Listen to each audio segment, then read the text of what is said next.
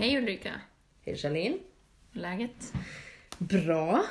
Du ser lite sol... eh, Du har fått lite sol. Ja, du tycker det? Ja. Ja, lite hårt trädgårdsarbete. Mm. Eh, klippt gräsmattan och sådär idag. Eh, det är ju som att vara på en slags medelhavssemester bara att gå ut i trädgården den här månaden. Mm, det är ju så sjukt för förra månaden när vi bloggade, bloggade poddade.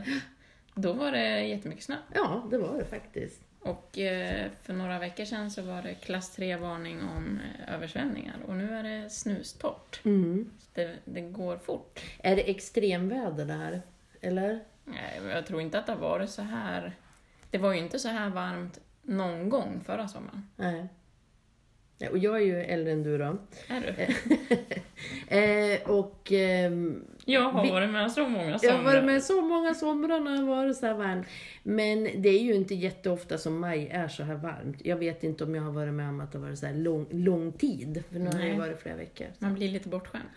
Mm. Hur går det med, du berättade, när, första podd vi hade, så berättade du om att du var ute i växthuset i snöyran och planterade. Hur har det gått? Ja, jag fick lite spenat, men det var inte... Jag, jag tror jag använde lite för gamla frön. Jag tänkte så här, jag vill inte slösa finfrön. Nej, Så det var ganska dålig grobarhet. du tog gammelfröna. Ja, Ja. man får nog ta lite starkare frön också. Men jag fick lite spenat ja. eh, som vi har skördat. Mitt under liksom smällkalla vintern där eller? Nej, det nej, det kom väl kanske för... Ja, när det börjar bli varmt i växthuset. Då Mm. kom jag tittar upp. Kul. Mm. Ja, odlar du någonting nu också? Ja, jag är ute. Jag, jag tänkt på det varje år så har det varit någonting, det har varit valrörelse, det har varit, jag har gift mig, förra året fick jag barn så jag har liksom varje år haft väldigt svårt att få tid att vara ute i trädgården och det här året så tänkte jag att det här kommer inte gå. Jag har en liten knodd. Mm. Men jag har aldrig haft så bra koll i trädgården som nu för att jag, jag vet inte, jag effektiviserar min tid och Mm. tar tillvara på det mycket mer. Man går ju upp mycket tidigare och Mm. Eh, Så att det, jag odlar lite tomater och eh, i grönsakslandet har jag lite rödbetor och fänkål och selleri och så är det lite ärtor och jordgubbar och morötter och vitlök och lök och sånt. Mm, plenty. Men det kanske är så också att man, om- när man blir av nöden tvungen att vara liksom effektiv så, och begränsa sig så blir man också mer ja, effektiv. Då. Ja, när man inte kan välja Mm. då... Ja, men det är en bra grej. Mm. Du, det här med jordgubbar och sånt där, sånt ska ju pollineras. Mm. Vem gör det? Ja, vem gör det? Eller vilka? Vilka? Jag såg, jag har en sån här biholk i år och den är alldeles tom. Min är full. Ja, vilken tur, för jag är lite bekymrad. Det har blivit färre och färre varje år. Och idag så har jag tagit lite hundpromenader och sett alla blommande äppelträd och, och sådär. Och jag tittar liksom i äppelträden och det är inte mycket pollinerare i träden, alltså humlor och, och bin. Vad beror Nej. det på tror du? Alltså det är ju, vi har ju... De blir ju färre Mm. och det är ju ett hot. Mm. Men jag tycker ändå, jag tror också att det kan vara just humlor har ju lite, det är ju, de ska hålla sig varma. Mm. Eh, Jag är ju lite nörd. Mm. Men eh, de kan inte flyga så länge när det är kallt. Eh, Nu har det ju varit ganska varmt. Men det har ju inte varit varmt länge. Så de kanske inte har kommit igång än, jag vet inte. Men jag har ganska mycket i alla fall bin Mm. hemma hos mig. Säg åt dem att komma hit. Ja. Ja. Men du får sätta holken mot eh, där solen går upp. Ja, jag tror det kanske den är lite för skuggigt. Mm. Så. Men jag saknar det. Det är roligt. Jag tycker alla skulle ha en sån här bioholk. Det är så otroligt häftigt. Och Mm. Det är så- som murarbin. Det är som bihonan eh, lägger sina ägg där inne. Och så lägger de liksom en pollenklutt som, som mat åt, det, åt de där äggen. Och sen så tar de sin lilla kropp och så tar de lera liksom upp och så murar de igen de här hålen. Om det inte kommer någon stekel och tar hål och lägger ägg så att de äter upp bilarven där inne. Ja, eller vi hade fåglar som, som hackade bort de där Men jag har sett att de varje kväll åker in och lägger sig där. Man ser, när man tittar in i de där små rören som Ja. det ju är, det är någon sån bamburör, då ligger, ser man små trynen där inne. Ja, mysigt. Mm. Har de små täcken och kuddar där inne? Ja, jag vet inte. Västar. Ja. ja, vad spännande. Ja, det är solitärbin och de är liksom inte farliga, de sticks inte, de är jättefina, lite så luddiga nästan. Mm. de. Mm, som minihumrar. Mm. De behöver, de är ju, det är ju bostadsbrist. Ja, Så det är jättebra med sån här, man behöver ju inte köpa en sån här dyr holk, för de är ju ganska... ja, Man kan ha, bara ta några bröt, äh, lite träbitar och lägga en hög någonstans. ja, Humlor kan du bara ta en äh, sån här lerkruka och lägga upp och ner. ja. Så åker de in i. Lite torkat gräs. Gräva ner den lite kanske. Ja. Mm. Ehm, det här med humlor. ehm, det är ju liksom lite brist på humlor också. De är också färre. Det var fler humlor förr. Mm. Eh, och dessutom ska vi säga att det finns ju massor med olika humlesorter också beroende Ja, på... Jag, har inte, Ja. jag har inte koll på exakt hur många, men det är ju väldigt många. Ja. Men de blir ju färre och det blir färre arter. Eh, och jag tror att största orsaken till det är att vi odlar för mycket av samma sak. Mm. Det blir inte det här mosaik, eh, olika växter. Därför, alltså en sorts humla pollinerar ju en sorts Mm. blomma och några fler, men det är ju inte alla blommor som pollineras av en humla. Liksom. Nej. Förstod du vad jag sa? nu? Ja, typ. Eh, Jag tänker på en speciell humla som jag inte kommer ihåg, kan heta vallhumla? Som eh, vill ha klöver, vit Mm. och röd klöver. Men ett jättestort problem det är att vi är så besatta av välklippta gräsytor Mm.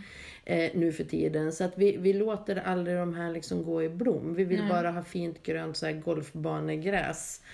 Ehm, och då får de ingen mat helt enkelt. Och jag Ja. vet i England där, där ju nästan all mark liksom är bebyggd, det finns väldigt lite vildmark. Där har man fått importera Mm. humlor från Sverige för att Ja. de har liksom slut på sina humlor. Och Det- Vill vi ha det så? Nej. Men grejen är ju också att det handlar ju inte om att man tycker om humlor, eller, det, gör, det gör det ju för att de är ju väldigt fina och, så, Ja. och trevliga. Men vi skulle aldrig överleva utan pollinerare. Alltså vi får ingen mat om inte våra växter pollineras. För Nej. att det är liksom förökningen av växter.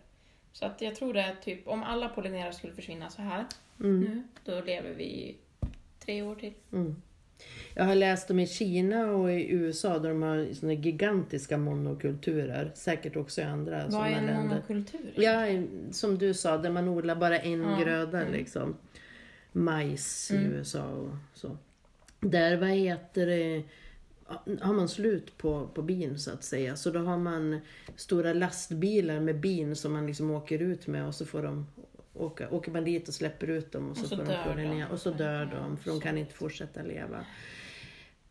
Usch. Usch vad sorgligt allting Mm. är. Eh, och det är ju liksom ingen lösning, det är ju bara en kortsiktig Ja. lösning som har med ekonomi att göra. Men jag, vi har ju eh, i min familj, mellan mig och min man, han är ju en sån här golfbane, gräsmatte. Mm. Din man? Ja, Mm. såg ut som det bröt. Men Mm. vi kör. då, vi kör.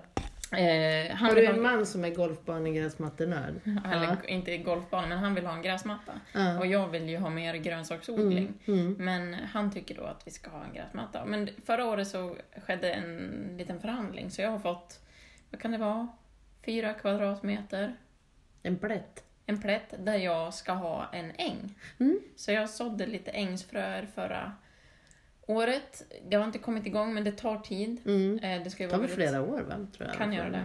Man får Ja. liksom sköta, det får inte vara något ogräs, Mm. det ska vara näringsfattigt och sen ska man slå den här med lie. Mm. Har du lie? Nej, jag har försökt hitta men jag hittar ingen. Jag skulle vilja ha en lie också. Mm. Prova att lära mig att slå med den. Ja. Eh, Men det är också någonting man kan göra. Mm. Man kan ta en liten del av trädgården till att så ängsfrö. Mm.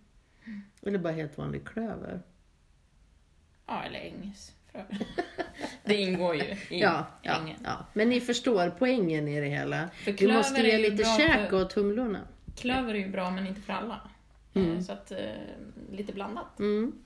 Nej men man kan ju se liksom det här med att humlorna, jag kan ha massor med olika växter i min trädgård men vissa humlor som kommer de vill bara ha lila växter till exempel. Som vill bara ha lavendeln och de här och rata de rosa och gula. Gula är verkligen inte populära växter. Så. Ett annat tips, om man, för ibland kan man ju se en humla som är lite trött. Och det är ju för att de kommer ner i temperatur och de behöver föda. Och hittar de inget så då, då dör de. Liksom. Men man kan lägga lite sockerlösning nära Mm. så att då får de lite energi så kan de flyga vidare. Mm. De drunknar inte då? eller? Att man behöver inte dränka dem, men Nej. lägger lite framför Ja. snoken. På. För nosen på det. Ja. Vad heter en humlenäsa? Snabel? Nej, jag vet inte. Vi får ta reda på det.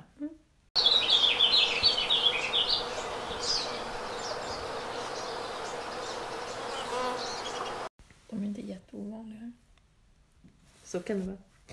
Blommor och bin har vi pratat om, men vad har det med vänsterpolitik att göra?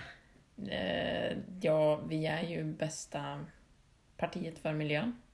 Enligt. Naturskyddsföre- Svenska Naturskyddsföreningen. Mm. Det har ju vi sagt hela tiden, men det är skönt att få det bekräftat av en så stor organisation. Exakt. De har ju liksom kollat, i, i, inför förra val, eller i förra valrörelsen så fick varje parti tala om vad man ville göra för miljön och eh, nu har de liksom kollat upp det där och man har infriat vallöftena och eh, det har Vänsterpartiet gjort. Mm. Eh, bäst av alla i, i partier i Sverige. Och det är vi jättestolta över naturligtvis. Ja, och, känns... Jag är superglad. Ja, vi har ju haft ett bra förhandlingsläge den här mandatperioden och Sveriges kanske bästa förhandlare. Mm. Ulla Andersson! Vår riksdagsledamot, eller riksdags, eh, riksdagsledamot och ekonomisk-politiska talesperson Och förhandlingsledare. och förhandlingsledare. Eh, bäst på allt, eh, nu också bäst och, och Det är väl 80 fixa miljön. reformer vi har fått igenom i 80 budget. reformer. Helt, helt otroligt. Som gör mäktigt. samhället bättre för fler. På, på väldigt, väldigt konkreta sätt. Mm. Mm. Eh, Ulla brukar, jag hörde henne säga en gång, hon, hon brukar säga, tänka när hon går in i förhandling så tänker hon alltid på sina arbetskamrater på förskolan där hon har anställning. Och tänker hon att när jag kommer ut från förhandlingen så ska livet ha blivit lite bättre för mina arbetskamrater. Och det tycker jag är så himla Mm. Fint. Och tydligen väldigt effektivt också. Undrar om han den här Ulf tänker så också i sitt politiska uppdrag. Kristersson. Kristersson. Ja. Om det vet vi inget. Ehm, Jag tror inte så säker på att han har haft så mycket jobb på förskola, om jag får säga så. Nej. Ehm, jo, men det här med vår politik då. Ehm, vi- hur, hur liksom ska man... ehm, Vi har ju några konkreta förslag som vi vill få igenom här i Hudiksvall. Lokala förslag, ja men vi börjar i det. Du brinner ju starkt för eh, i alla fall en av de här. Ja, eh, egentligen så har, vi kan kalla allting för hållbar, eh, hållbara parker och grönområden kan vi säga. Eh, vi vill att det ska vara större hållbarhet i det, i det vi har. Till exempel av planteringar så ska man ha mer växter som kan leva på samma plats i, i flera år istället för bara sommarblommor. Det är minst lika snyggt med de här perennerna som de heter. Och de kräver mycket mindre skötsel. Eh, de är billigare eh, eftersom man inte behöver dra upp dem i växthus varje år som man måste med sommarblommor. Och det är också väldigt energikrävande att värma upp växthus på. Och krävs, som du sa, väldigt mycket skötsel. Alltså plantera om, dra upp, Ja. rensa. Eh, Man kan ju fortfarande ha sommarblommor men att man kanske begränsar mängden då. Jag tycker också att vi ska ha planteringar, fina planteringar i, i alla tätorter. Jag tycker alla människor liksom har rätt att ha en slags kommunal fin plantering och, och Och titta på. perenner är ju finare. Personligen så tycker jag. Ja, ja det är Och de. de är ju mycket bättre för våra pollinerare Ja, och för den biologiska mångfalden. Då. ja. Mm. Så framför, framför mer fleråriga växter. Eh, också vad heter det, ängar för pollinerare och för att det är fint också. Att man kanske sätter äng, plant, istället bara för gräs och maskrosor som det är väldigt populärt i år. Eh, så kan man sätta ängsväxter, jag har sett det i Enköping och Västerås, i refuger och rondeller och sådär. Precis på de som här... på min gräsmatta. Ja, precis. Precis som på din gräsmatta. Eh, och det är ju jättebra. Och det är också så här minimal skötsel. Man, man sätter det en gång och sen så slår man det på, på hösten så att säga. Eh, och eh, sen så vill vi ju, har vi pratat om att vi skulle vilja ha en trädpolicy. Just det. Mm. För skog och... Planterade träd. Ja, i, som tätortsmiljö, stadsmiljö och tätortsmiljö. För det är också jätteviktigt. Det är små, små liksom mikrokosmos av biologisk mångfald i ett enda träd. Ja, och även om man... För så är det. Om, om vi liksom satsar jättemycket på att plantera blommor och ändra vad vi odlar för att pollinerare ska ha mat så måste de ha någonstans att bo. Mm. Och det är ju jättemånga eh, insekter som bor i träd. Mm. Alltså, träd är ju inte bara träd när de lever, alltså, de är ju viktiga när de är döda, när de Mm. ligger där också. Ja, precis. Eh, Död ved lever, hade jag en lärare som brukar säga. Ja. Mm. Allt hör ihop. Och har vi inte ett fungerande ekosystem så fungerar ju ingenting. Det har vi ju tappat någonstans på Mm. vägen i vår mänsklighet, Mm. tyvärr. Mm. Det är ju förödande för oss själva Mm. att inte förstå det. Mm. Eh, jag tänkte någonting vi också vill ha, det är såna här lotter. Just det. Od- odlingslotter. Kolonilotter. Ja. Varför heter det koloni? Jag vet faktiskt inte. Det vore ju spännande. Men Ja. odlingslotter kan vi Od- kalla odlingslotter. Ja, jag tänker mig att det behöver inte vara de här liksom större grejerna utan det kan vara typ en, en um, plats för två pallkragar. Mm. Eh, vilket ju, om man bor i hyreslägenhet, det kanske är ungefär vad man orkar sköta. Mm. Eh, men Och i att, hela kommunen. i hela kommunen, i alla tätorter ska det finnas möjlighet att, att, att, att låna en sån här. Jag tycker också att man ska, eller vi tycker också att man ska plantera mer eh, träd, eh, ät, ätbara äppelträd och, och sådär, och bärbuskar. Mm. Eh, som alla får plocka av och äta av. Liksom.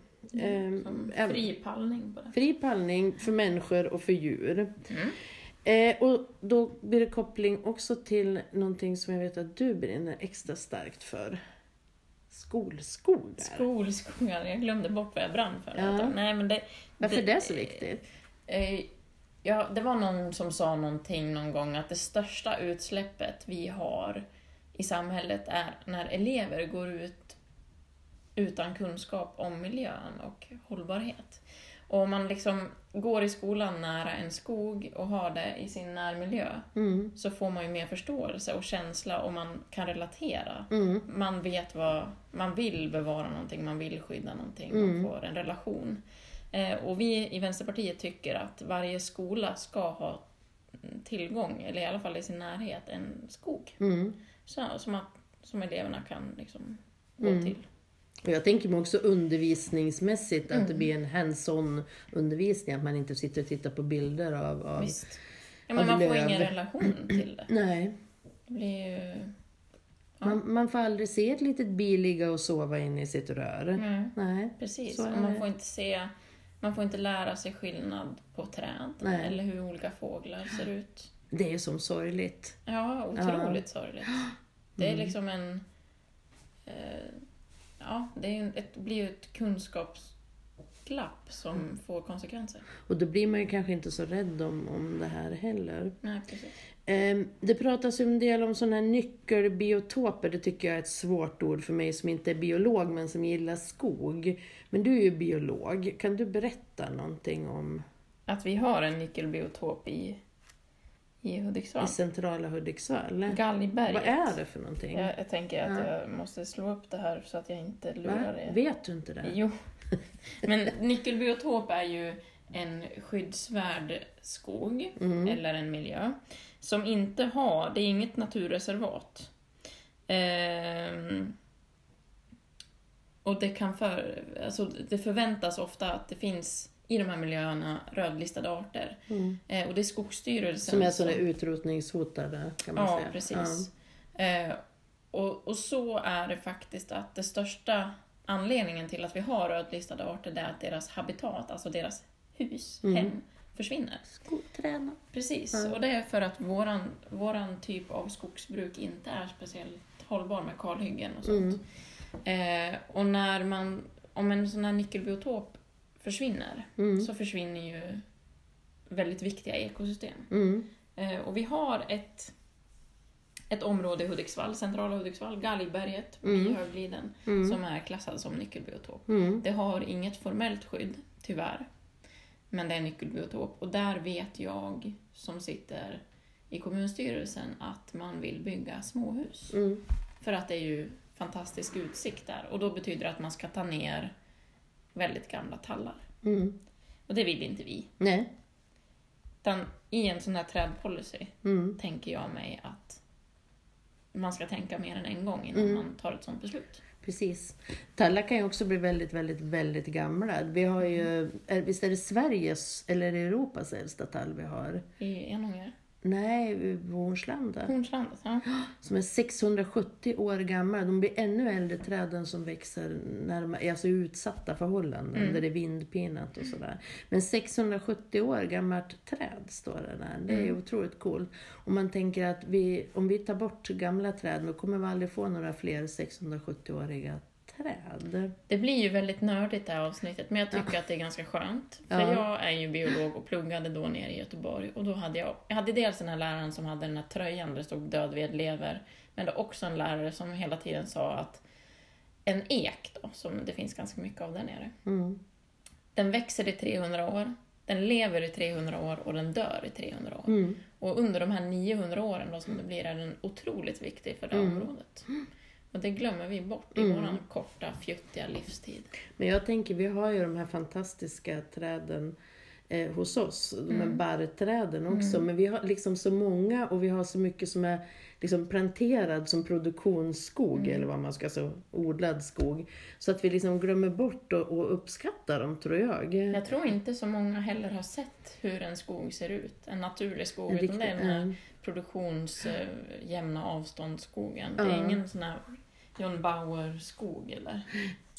Nej, och sen riktiga eh, alltså skogar som är naturreservat, de är nästan svåra att gå i. Eftersom man låter all död ved ligga kvar Mm. Fast man har faktiskt, eh, man måste röja för tillgänglighet kring stigarna. Ja, Faktiskt. ja, Men eh, inne där så får det ligga. ja. Och det är bra. Mm. Men vi vill alltså fortsätta att skydda den här eh, nyckelbiotopen på Gallberget. Det är en jätteviktig fråga för Mm. oss och, som vi kommer att hålla stenhårt fast vid. Och, men den här trädpolicyn handlar ju också då om dels skog eh, och skyddsvärd skog, men också som du har pratat om, de här eh, tätorts... Alltså det finns ju träd på ställen där det inte är skog. Alltså det Mm. står ganska, lite Och så det solitära Kanske träd. inte park heller, Nej, eh, precis, som man utan- tänker, utan det är liksom självsådda träd fast de inte utgör skog. Då. Men de kan vara ganska gamla. Ja. Och de tror jag ofta man bara tar ett beslut om att ta ner. Ja. Och det kan ju påverka människor som bor omkring ganska mycket. Det kan påverka djuren omkring. Insekter. Ja, och marken också. Vi har ju erosion, alltså träden har ju en funktion att hålla fast Mm. jord eh, och så.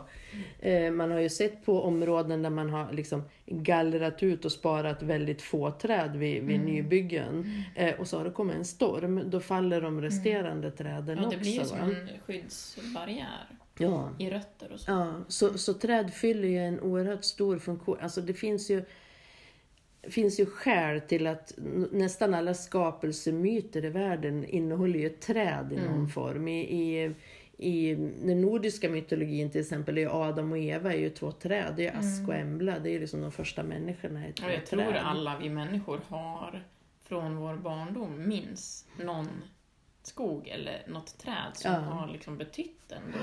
Jag tror inte att man, även om man är för att ta ner träd, så vill man inte ta ner sin. Nej, sitt speciella Nej. träd. Ändå finns det ju en trend nu så här, det ska liksom ljust och fräscht och det ska det även vara i naturen. Man träder till besvär och liksom de, det kommer löv och det kan sitta fåglar som bajsar i dem och då ska de bort. Ehm, men man Ja, det är ju sjukt Ja. faktiskt. som du säger, att vi måste tänka några varv till innan Ja. vi fattar de besluten. För träd är ju faktiskt också väldigt, väldigt dyra. Det är dyrt att dra upp ett träd eftersom de växer långsamt. Ja, det tar ju, när man tar ner, alltså vi har ju även i Vänsterpartiet pratat ganska mycket om att det är, alltså att eh, trä ska ersätta oljeprodukter. Alltså att det är förnybart. Att vi ska bygga i trä. Att, vi, att det kan, man kan göra kläder av trä. Mm. Att man kan att man producerar biomassa. Mm. Ja, vi ställde oss här i Hudik bakom en, en motion till exempel om eh, att bygga mer i trä. Mm, bygga hyreshus och sånt. Ja, Men det finns ju en konflikt i det också för att det betyder ju att man ska ta ner mer träd. ja, Eh, och även om man tar ner och planterar så tar det ungefär 30 år innan man har liksom ersatt den koldioxiden. Eh, och det är ju bra att man lagrar in koldioxid i trä när man bygger och så. Men jag tror man ska akta sig för att prata om skogen som att det är all räddning för klimatförändringar. För att det, eh, vi har ju tagit det här eh, 16 miljömålen. mm, Och då finns det ju levande skogar bland annat, levande sjöar och vattendrag och ett rikt och djur och växtliv. Mm. Och de tre är ju ganska beroende av att ekosystemet i skogen fungerar. Mm. Tar vi ner, gör vi kalhyggen, då finns ju inte de här. Och då kan vi ju inte uppnå de här eh, miljömålen. Mm. Så därför är det jätteviktigt att vi ser över hur vi brukar skogen. Jag är ju extremt emot kalhyggen. Mm. Där läcker det ju bara ut Mm. koldioxid, är körskador och, och det påverkar hela ekosystem. Eh, och som jag sa tidigare, att de flesta rödlistade arterna vi har i Sverige är på grund av hur vi brukar skogen Mm. och att deras hem försvinner. Mm. Det behöver alltså inte vara på det sättet. Och ju mer Mm. vi tar ner, ju mer hot blir det mot de här äldsta skogarna. Mm. Så att det är ju inte självklart att de står kvar. Det är ju inte självklart klart att vi har några gammelskogar kvar.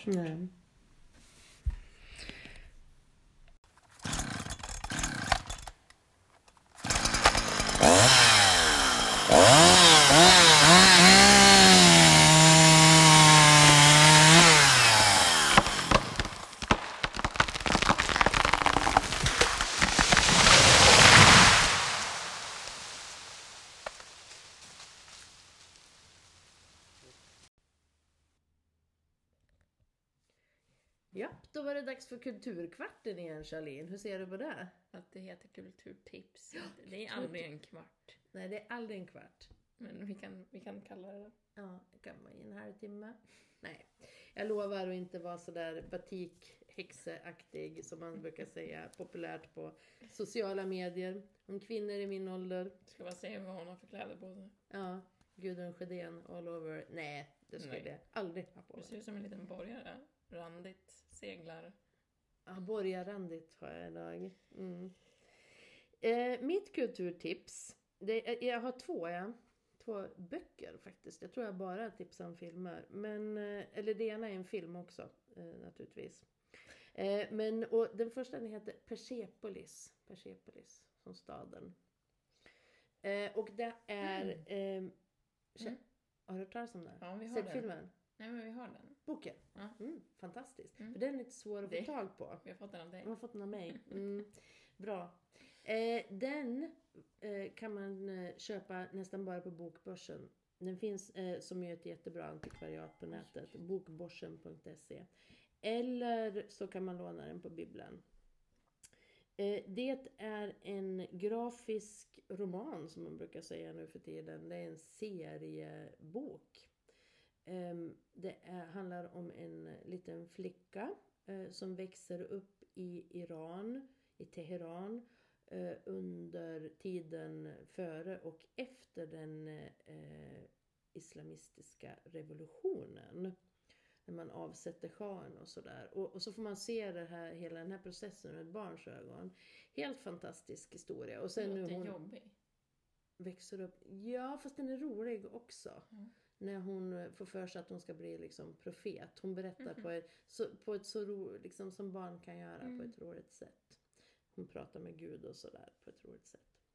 Ehm, och eh, den tycker jag är jättebra, rekommenderar verkligen. Och den är så bra som man har animerat den här och gjort den till film också, om man inte är så mycket för läsning. Heter den likadant då? eller? Ja, det gör den. Eh, jag har kollat lite grann. SF Anytime kan man streama den ifrån. Mm. Det ska jag göra. Det tycker jag. Så slipper du läsa den. Mm. Mm. Den är ganska snabbläst annars eftersom man har bildstöd i Mm. läsningen. Eh, bok nummer två fick jag när jag fyllde år i present. Den fick Augustpriset förra året tror jag. Den heter Ett jävla solsken av Fatima Brenner och handlar om journalisten Ester Blenda Nordström. Har du talas om henne? Bara vid namn. bara vid namn. Hon var liksom vad man kallar en wallraffare nu. Det är ju liksom när man är sån undercover eh, journalist. När man liksom klär ut sig och låtsas vara någon annan. Som en civilpolis. Som en civilpolis ungefär. Mm. Ehm, och eh, om man pratar svenska då. Mm. Eh, och hon gjorde det långt innan eh, journalisten och författaren Günther Wallraff gjorde det. Som du har fått namn efter att wallraffa. Hon klädde ut sig Jaha! Var det mansplaining det där? Nej. Nej. Jag, fatt, alltså, jag har inte fattat det. Nähä, oj då fick jag lära någonting. Jag är ju lärare så jag älskar det. Och, Jag trodde och, wallraffande var ett ord. Ja men det är ett ord. Alltså, Det har blivit ett verb efter Ja, hans namn. coolt. Ja, kolla. Jag älskar att få vara så besserwisseraktig. Det Mm. finns i oss alla hon är lärare. även stormästare i Jeopardy. Ja. Så att, Ja, så är det. Ehm, han gjorde rätt coola grejer. Han wallraffade som, som sån här eh, gästa, turkisk gästarbetare i Tyskland. mm. Det blev som en lektion för mig. Ja, han må- målade, eller inte målade gjorde han inte, men han satte på sig en lös mustasch och, och beskrev de här förfärliga arbetsvillkoren eh, som man kanske bara kan beskriva om man har upplevt dem. Och Ester Blenda då, hon gjorde det här i Sverige långt, långt, långt tidigare. Eh, och eh, hon ville berätta om hembiträdenas arbetsvillkor i Sverige på typ 1920-talet. Eh, och eh, hon var också en väldigt speciell person, en, en stark kvinna. Eh, hon var Sveriges första undersökande reporter och hon gjorde ingen annan vågade. Hon, eh, förutom förutom här med att vara hembiträde så levde hon ett halvår med samer i Lappland. Eh, och hon reste med fattiga emigranter i tredje klass till Är det en USA. självbiografi om henne? Nej, det är en biografi om henne. Ah, okej. En självbiografi skriver man själv. Titta, nu fick jag undervisa igen. Fast det är sällan, alltså man skriver den ju sällan själv. Ja, men då är det en spökskrivare. Ja. Ja. Men en Med biografi... lakan över sig. Ja, precis. Uhu. eh. Ah, Sov du den här lektionen eller? Alltså jag gjorde så mycket annat när jag gick i skolan. Ja, det gör de flesta. Mm.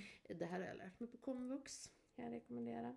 Nej, men så den tycker jag var jättebra. In- Jätteinspirerande och det är ju så viktigt det här liksom att kvinnor vi får inte läsa om kvinnor i historieböckerna. Jag fick definitivt Nej. inte läsa om det i skolan. Jag läste litteratur... Inte jag heller. Nej, och jag läste litteraturhistoria på universitetet. fanns inga kvinnor. Men det var ju inte det att kvinnor inte skrev. Utan de fann, men ingen har berättat om dem. Och nu börjar man berätta och det här är ju jätte, jättebra. Otroligt bra ja. Långt före Günther Wallraff. Så det skulle heta att blända egentligen. Eller att nordströmma och, och göra Mm. Men vad som- blända är ju bättre än wallraffar. Ja, det är det. Vi får börja säga Jag det. tänker på en ko. Ja, så. ja typiskt konamn. Ja. Mm. En du då? Har du något kulturtips idag? Ja, jag vaskade fram ett här. Jag läser ju, har inte läst så lite som jag gör nu. På grund av att jag inte har så mycket tid. Nej. Det jag läser är... Saknar du det? Läsningen? jag saknar det. Mm. Jag tänker också att jag försöker göra det för jag tror det är viktigt att mitt barn ser att man läser. Mm, det, Alltså att se en vuxen med en bok tror jag är viktigt. all forskning visar det. All forskning. Mm. Säg en. Nej. Källa för det? Mm. Eh, Men det jag läser väldigt mycket är då barnböcker. Mm. Bland annat. Jag har, alltså jag är så här nördig på barnlitteratur. Där så. också. Ja. Så nu blir det väl en till lektion. Nej då, jag ska vara helt tyst. Eh, Men det här är en bok som jag tänker inte bara behöver vara en barnbok. Den heter Aja Hermuffin Mm. av Ulf Nilsson och eh, illustrerad av Anna-Klara Tidholm. Mm. Den handlar Äh, om... Muffare? Mm, en, nej. Nej. Det handlar om ett marsvin. Jaha. Eh, och eh, den vann Augustpriset Mm. 2002. Eh, det handlar om en gammal, eh, ett gammalt marsvin som Mm. heter Hermuffin och han tänker tillbaks på sitt liv Mm. som har varit eh, fint. Mm. Och han var en gång, jag läser här nu, en gång var han ett ungt och starkt marsvin som kunde konka och bära på gurkor, men nu är han gammal, trött och grå. Han minns och gör en liten lista. Jag har haft det bra, bättre än de flesta. Ett, mycket klok och vänlig fru. En mycket klok och vänlig fru. En, ett blått litet hus med egen brevlåda. Sex små lurviga barn. Tre gånger om dagen kelad med. 728 hela gurkor under livet. 2555 fång gräs, hö och maskrosor. Och post då och då i brevlådan. Mm. Men, sen får han helt plötsligt ont i magen. Mm. Och då handlar... Vill man höra slutet eller liksom? Ja, alltså det, titeln avslöjar väl vad det handlar om. Mm, ja. Han eh, går bort. Mm. Eh, och det är otroligt bra eh, beskrivet i liksom inte vad som händer när man dör, men alltså processen. Mm. I att man... Eh, alltså jag har haft ganska mycket användning av den här eftersom jag förlorade min hund för Mm. ett halvår sedan. Mm. Eh, så jag tänker att den, det, i sorgarbete, Mm. så väldigt bra för vuxna men även att prata om döden med barn, Mm. som jag tror kan vara väldigt bra. Det tror jag är bland de svåraste saker man kan prata om också. Det är svårt Mm. att läsa den här boken utan att gråta, Mm. men man gråter inte för att man är Den är så otroligt fin Mm. liksom, och den är, eh, nej, den är och väldigt vackra bilder. Och, Mm. Så den kan jag rekommendera alla, även de som inte har barn. Ska du säga titeln igen? Adjö herr Muffin. Adjö herr Muffin. På en bokhandel nära dig. Mm. Den är Mm. inte så dyr heller. Nej. En, en klassiker kan man Mm. väl säga. Fick den av dig faktiskt. Mm, ja. Propagerar för den, tycker den är jätte, jättebra. Nej men och just det, det är ju så viktigt med barnböcker eh, om svåra ämnen men som ändå liksom inte är överpedagogisk. Mm. Eh, och både författaren och illustratören här är ju jättebra på det här och inte skriva barn på näsan. Liksom. Precis. Utan man får tänka själv. Och det är därför deras böcker så ehm, Anna-Klara, när hon skriver själv också, vad är, är så, fungerar så bra för vuxna också Mm. tror jag. Men jag tror alltså det där, eh, man ska inte underskatta att läsa barnböcker även om man liksom är själv vuxen. Tänker bara så här partiprogrammen tycker jag är bäst som lättläst. Mm. Eh, och kan rekommendera det om man tycker att det är jobbigt att läsa partiprogram. Mm. Och om andra partier också så är det Mm. det mest pedagogiska och lättillgängliga. Mm. Vi har ju en liten tendens i Vänsterpartiet att gilla komplicerade texter. Många av oss gillar när Ja, det och diskutera. Och Ja, liksom, och många svåra ord och sådär tycker vi också om. Mm. och det, det är väldigt akademiskt på ett Ja, lite jobbigt sätt. Ja, ibland kan det vara jobbigt. Ibland är det ju bra också för att det, man ska prata om komplexa saker så kanske man behöver använda komplext språk. Men väldigt många gånger så går det ju att säga saker på ett rätt Mm. enkelt sätt också. Och det är de här personerna bra på. Tänk nu tog jag över där igen. Igen, jag tycker, Mm. jag tycker vi är ganska likställda. Ja, okej. Förutom att du skriver mig på näsan. Mm, Nej, skojar.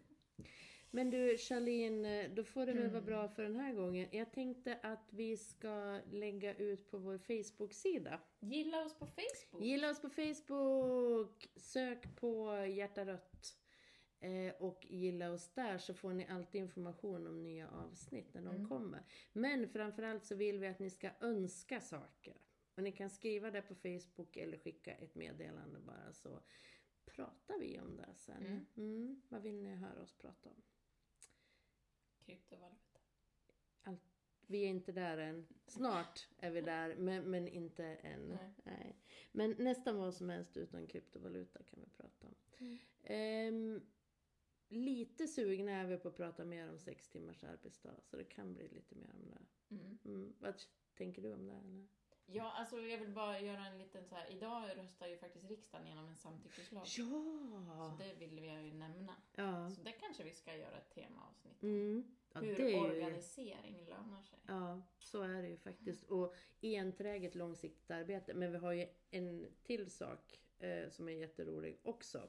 Att i veckan så, eh, så kommer det en cirkus i, till Hälsingland och den kommer till Hudiksvall utan djur. Mm, mhm. Och det är ju då självvalt Ja, av cirkusen. mm. Och de beskriver det som att de har aldrig fått så positiv respons Nej. på någonting annat de har gjort. Nej, och de ville göra det här för att ta avstånd ifrån de cirkusar som inte haft en bra djurhållning då. Mm. Eh, och liksom gå tillbaka till cirkusens rötter. Men, Vi, för er som inte vet så drev vi ganska hårt Ja. för något år sedan en, en motion från oss om att man inte skulle upplåta kommunal mark till cirkusar som i kommersiellt syfte utnyttjar djur. Den gick igenom fullmäktige, men sen fanns det en envis moderat som överklagade och eh, beslutet upphävdes av förvaltningsrätten mm, på grund av någon paragraf i ordningslagen. mm. Men cirkusarna fixar ju det här själva. Mm. Och det har ju att göra med, alltså vår var ju en, en liten del i den stora folkliga opinionen som, fin, som finns. Men ibland kan det ju vara så att man, man jobbar med politiskt beslut och man kanske inte får liksom se verklighet på det på en gång. Men Mm. att... Eh, Men det, och det var ju verkligen för mig som ny i politiken superviktigt att det går att liksom påverka Mm. och förändra. Och det var ett tiotal kommuner som Mm. la liknande motioner Mm. och det blev ju en riksnyhet. Och den är ju, det är ju så intressant den här frågan för den är verkligen partiövergripande. Mm. Eh, Det var många personer från olika partier, till och med många som gick emot sin partilinje när de röstade på den motionen. Så, att, Mm. Så eh, på imorgon kväll mm. kan man gå på djurfri cirkus Yay! här på Glysis. Ja, heja Circus Brasiliac. Vi får väl säga där då, Mm. deras namn, för att vi tycker att de, jag fattar, att de är bäst. Heja ni! Ha det bra så hörs vi. Hej! Hej då!